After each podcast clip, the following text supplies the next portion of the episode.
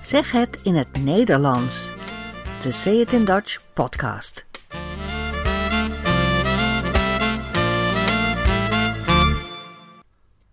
Nummer 11. Welkom bij deze podcast. In deze aflevering praten we over Bluetooth, een belangrijke technologie.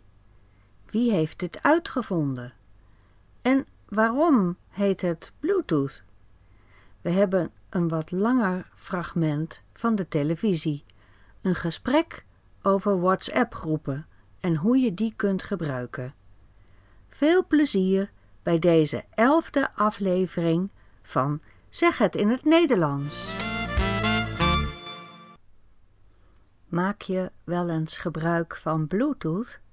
Ik denk het wel. Deze techniek van Bluetooth is in Nederland uitgevonden. De uitvinder is een Nederlander genaamd Jaap Haartsen. In de jaren negentig had het Zweedse bedrijf Ericsson een grote fabriek in Emmen, in Drenthe, een bedrijf voor mobiele telefoons. En Jaap Haartsen werkte daar. Hij was in 1994 op zoek naar een draadloze manier om apparaten dichtbij, zonder snoeren, met elkaar te laten communiceren.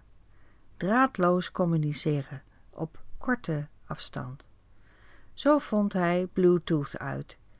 En dat bleek een uitstekende uitvinding te zijn, want Bluetooth gebruikt ook heel weinig stroom, heel weinig elektriciteit, heel weinig energie. Deze techniek is altijd licentievrij geweest. Dat betekent dat iedereen de techniek mag gebruiken zonder te betalen. Zo kon de techniek zich gemakkelijk over de wereld verspreiden. En natuurlijk waren bedrijven geïnteresseerd, dus Microsoft, Nokia, Toshiba, Apple, IBM en Intel, allemaal geïnteresseerd. Ze werden vanaf 1998 allemaal lid van een speciale Bluetooth-groep. En dat was een belangrijke stap in het succes van deze techniek. Zo werd dus de standaard voor telefoons, headsets, carkits, duizenden andere gadgets Bluetooth. Bluetooth bestaat dit jaar dus 20 jaar en inmiddels maken in de hele wereld meer dan 20 miljard apparaten gebruik van deze Bluetooth-techniek. Waarom heet deze techniek eigenlijk Bluetooth? Dat legt Jaap Haartsen zelf uit in het Nederlands. Luister maar. In de jaar 1000 was er een vikingkoning in Denemarken, die heette Harold eh, Blauwtand. En die, uh, die bracht vrede bij de mensen en die zorgde ervoor dat ze gingen communiceren. Dus dachten, nou, dat is een mooie naam. Het heeft geen uh, negatieve associaties, uh, ook niet in de verschillende landen. Want vanaf het begin zijn we met een internationaal team, vanaf Japan tot de Verenigde Staten, Noorwegen, Zweden. nou ja, heel Europa zijn we bezig geweest. En nergens in die landen was er een rare associatie met Bluetooth. En iedereen kon het ook blijkbaar goed uitspreken. Hoewel dat, de Bluetooth Sommige Nederlanders hebben daar toch wel wat moeite mee. Maar uiteindelijk is het dat toch uh, gebleven. En is het die naam uh, is het blijven hangen, zo gezegd. Ja, Bluetooth is dus genoemd naar een Deense koning, Harald Blauwtand. Deze koning uit de 10e eeuw na Christus kon goed verbinden. Hij verbond natuurlijk nog geen apparaten, maar wel verschillende stammen in Denemarken en zo bracht hij vrede en hij bracht het christendom. Het symbool voor Bluetooth, de techniek, zijn de beginletters van Harald Blotand. HB in runentekens.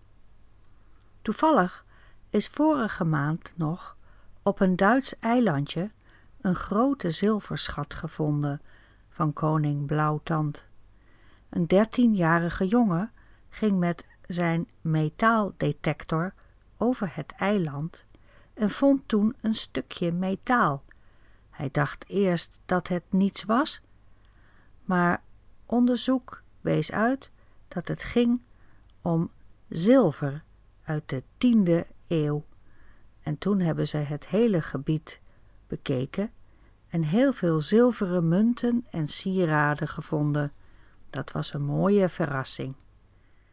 Drie jaar geleden werd de naam van uitvinder Jaap Haartsen opgenomen in de National Inventors Hall of Fame in het patentenbureau in Washington, waar 500 belangrijke uitvinders van de afgelopen eeuwen uh, te vinden zijn, zoals Alexander Graham Bell voor de telefoon, Henry Ford voor de personenauto, Steve Jobs voor multimedia en nu dus ook Jaap Haartsen.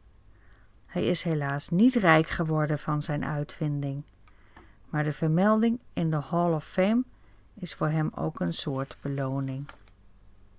In deze Hall of Fame kun je ook nog twee andere Nederlanders vinden.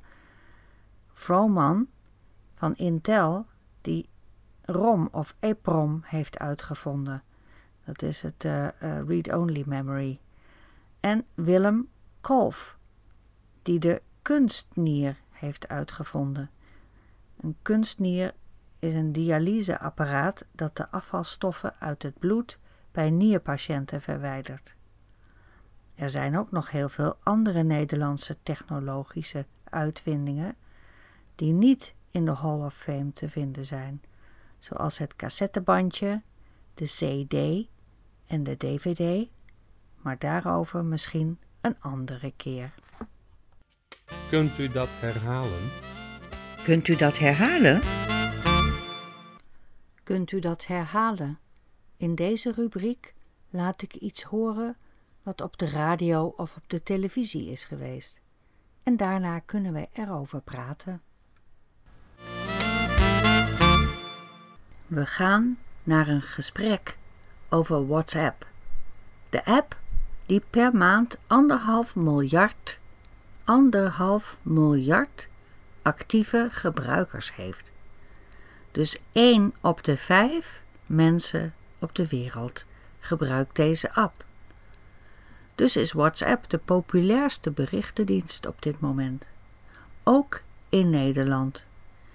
Daar maken 11,5 miljoen Nederlanders gebruik van WhatsApp. En 8,3 miljoen doen dat elke dag. Dit is een praatprogramma gepresenteerd door Daphne en aan tafel zitten vier andere personen: Roos, Lisette, Hannelore en Herm. En Daphne begint. Ja, ik wilde even beginnen met iedereen te vragen hoeveel uh, WhatsApp-groepen je hebt oh. op je telefoon. Weet jij dat, Roos? Nee, veel te veel. Gek van. Z zeg maar een stuk of tien? Het gaat over groepen in WhatsApp. Roos wordt er gek van. En Daphne zegt: Zeg maar een stuk of tien. Een stuk of tien betekent ongeveer tien. Het kan negen zijn, tien of elf. Een stuk of tien. Je hoort Roos. Meer. Ik denk 15. Elk kinderfeestje heeft zijn eigen groep, jongen. Het is net een stuk of 15 WhatsApp-groepen. En jij? Ik denk uh, ja, 10, ja, rondom de 10. Ja. En hoeveel, hoeveel deelnemers bevat de grootste?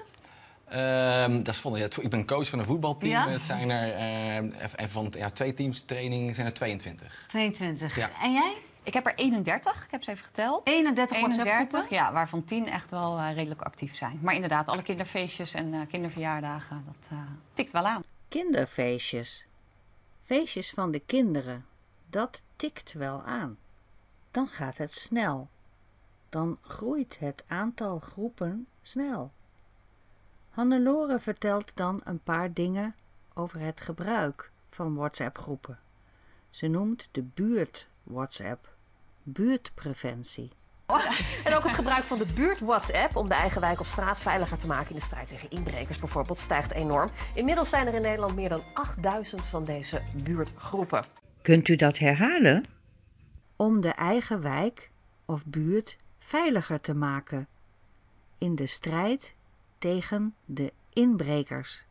Een inbreker is iemand die jouw huis s'nachts binnenkomt om dingen te stelen. En er bestaan appgroepen voor, ja, zo'n beetje alles eigenlijk. Er zijn groepen voor vogelaars. Er bestaat een appgroep waar alleen jongens met de naam Thijs in mogen. En er is zelfs een appgroep, ja, het kan nog erger hoor, waar alleen geluidsfragmenten van uh, scheten worden gedeeld. Een groep waarin alleen jongens die Thijs heten mogen zitten. Of een groep waarin alleen geluidsfragmenten van scheten worden gedeeld. Dus uh, Lisette, jij bent uh, blogger uh, en je hebt het ook over social media. Hè? En je hebt een, heel, een heleboel WhatsApp-groepen ook. Wat vind jij leuk aan WhatsApp? Nou, het leuke vind ik dat je makkelijk mensen kan bereiken. En um, ja, je hebt snel contact. Je kan veel contact hebben op het moment waarop het je uitkomt. Dus dat ja. vind, ik, vind ik er fijn. Een moment waarop het je uitkomt, dat betekent een moment dat je wel even tijd hebt.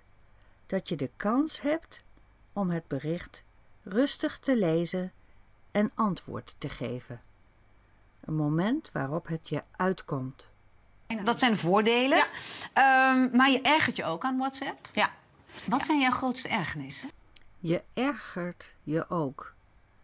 Zich ergeren is geïrriteerd zijn.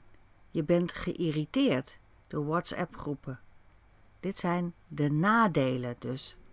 Nou, met name die WhatsApp-groepen. En dan de WhatsApp-groepen waar je verplicht in zit. Waar je eigenlijk niet, onderuit kunt. Ja, welke soort, wat, wat voor soort nou, groepen zijn dat? Bijvoorbeeld de klassen van mijn kinderen. Nou, dat zijn er al drie. En dan de tennis, de scouting, hè, groepje met collega's, familie, de buurtpreventie. Ja. Um, allemaal heel nuttig. Maar als daarin heel veel wordt gedeeld, dan kan dat echt... Uh, ja, dan kan ik mijn baan wel opzeggen als ik dat allemaal wil bijhouden. Dat is, ja. uh, dat is verschrikkelijk. Dan kan ik mijn baan wel opzeggen als ik dat allemaal wil bijhouden. Dan moet ik stoppen met werken als ik alle berichten wil lezen en beantwoorden. Ik wil dat niet allemaal bijhouden. Daarna praten ze over afspraken en gedragsregels. Er is geen lijst met afspraken hoe je je moet gedragen in WhatsApp. Misschien is het goed om eens te overleggen over de manier waarop je WhatsApp gebruikt, hoe je dat wel of niet moet doen, om daar afspraken over te maken. Lisette heeft een idee je uh, hoognodige informatie inzetten. Ja. Maar uh, iedereen stuurt ook gewoon lekker een foto van de poes. Of uh, god, ik heb nog iets in elkaar geknutseld voor Pasen. Dat komt ook allemaal in die WhatsApp-groep. Dus we moeten eigenlijk een beetje met elkaar overleggen wat wel en wat niet in zo'n WhatsApp-groep. Daar heb jij een goed idee over, Lisa. Ja, ik had daar wel iets voor bedacht inderdaad. Dat er eigenlijk een onderscheid moet komen tussen nuttige groepen... waarin je dus die zakelijke dingen, hè, belangrijke mededelingen eigenlijk zet... en gezellige groepen. Ja. Waarbij je dan zelf kan kiezen of je daarin wil, ja of nee. En waarbij dus de babyfoto's en de poezengifjes en de sniffende konijnen worden gedeeld. Ik had daar wel iets voor bedacht, inderdaad. Dat er eigenlijk een onderscheid moet komen tussen nuttige groepen, waarin je dus die zakelijke dingen, belangrijke mededelingen zet, en gezellige groepen waarbij je dan zelf kan kiezen of je daarin wil, ja of nee. Waarbij dus de babyfoto's en de poezengifjes en de sniffende konijnen worden gedeeld. Ja, al die gifjes, daar word je ook gek Precies. maar als er in zo'n gezellige groep een belangrijke mededeling zit... Kijk maar, dit zijn van die gifjes. Ja. Ja. Dan mis je dat ook weer, weet je wel. Dus dat, dat maakt het dan... Um, als je dat onderscheid hebt, dan kan je zeggen van... Hè, we hebben de belangrijke berichten en we hebben de leuke berichten. Ja, dus uh, stel bijvoorbeeld, je hebt een, uh, wat veel mensen nu hebben, een buurtapp. Uh, ja. Dus dat, dat is voornamelijk bedoeld om te kijken of het, of het veilig is in de buurt, of de verdachte personen zijn gesignaleerd. Ja. Wat voor regels zou je daar dan voor hebben? Verdachte personen, dat zijn mensen waarvan je denkt dat ze misschien inbreker zijn. Je verdenkt ze van inbraak of van criminaliteit verdachte personen? Nou, ik zou allereerst zeggen van als iemand een bericht stuurt, niet allemaal reageren. Maar alleen reageren als je echt iets toe te voegen hebt. Dat zou al heel veel schelen. Als je iets toe te voegen hebt. Dat betekent als je nieuws of extra informatie erbij kan doen. Dat zou al heel veel schelen. Dat betekent, dat zou al een groot verschil zijn. Ja. Ehm, alleen midden in de nacht iets sturen als dat echt nodig is. Hè. Ik heb midden in de nacht wel eens een duimpje gehad op de buurt-app. Nou, daar werd ik echt niet blij van. En alle buren ook niet. Ik heb wel eens midden in de nacht een duimpje gehad op de buurtapp. Met een duimpje zeg je: Ik vind het leuk of ik vind het goed. Daar werd ik echt niet blij van. En alle buren ook niet. Dus dat duimpje vond ze helemaal niet leuk midden in de nacht. Ja, dus ehm, op zo'n manier regels opstellen waar iedereen zich dan ook aan moet houden. En waarbij je ook kan zeggen van nou, als je er niet aan houdt, één keer een waarschuwing en dan moet je er gewoon uit. Eén keer een waarschuwing en dan moet je er gewoon uit. Ja. Kijk. Ja, ja. Vind je dat, maar- eh, spreekt jou dat aan? Nou, ja, ik vind het wel strikt hoor. Ja, maar dit ja. zijn de echt ho- de, hoog, de noodzakelijke WhatsApp-groepen. Precies, ja. Waarbij Ja. alleen iets... Dan heb je natuurlijk nog de, de gezelligheid eh, WhatsApp-groep. De gezelligheids-WhatsApp-groep. Ja, want hoe is, is er, wil je ook een soort code over... Heb jij een soort code bedacht over smileys en, eh, en aanverwanten? Smileys en aanverwanten. Aanverwanten zijn andere dingen die je ermee kunt vergelijken. Nee, daar heb ik eigenlijk niet zo. eh, want ik ben zelf wel dan weer, als ik dan WhatsApp gebruik, wel weer heel gek op smileys. Ook omdat je dan je bericht wel eens een beetje kan afzwakken. Ik kom soms best een beetje bot over. Ik kom soms best een beetje bot over. Ik kom over, dat betekent hoe mensen jou zien. Ik kom bot over, dan zien mensen jou als bot, onbeleefd, direct, niet zo diplomatiek. Een smiley kan het bericht afzwakken, zwakker maken, minder sterk maken. Dat is zo kinderachtig overkomt als Ja, ik met al die nee, dat- smileys bezig ben. Nee, daar heb ik geen last van. Nee, dat vind ik oh. juist wel leuk. Oké, eh. nou. Nee, dus daar heb ik nog niks voor bedacht, inderdaad. Nee. Daarna praten ze nog een tijdje door en dan komt het einde van het gesprek. Jongens, Ja. dank jullie wel voor dit gesprek. We gaan het eh, gesprek gewoon eh, voortzetten op de WhatsApp. Want de tijd is op. Maak een groepje aan. We maken een groepje aan, leuk. Handig wel rooster in, hè? Ja, ja, ja, heel ja, graag. ja, ja, ja, ja. We zijn aan het einde gekomen van deze podcast. Hopelijk heb je ervan genoten en hopelijk heb je ook een beetje geleerd. Mocht je vragen hebben of eh, reactie willen geven, stuur dan een e-mail naar info@sayitindutch.com en kijk op ons blog dutchidiom.com. Daar vind je meer informatie over deze podcast. Tot ziens!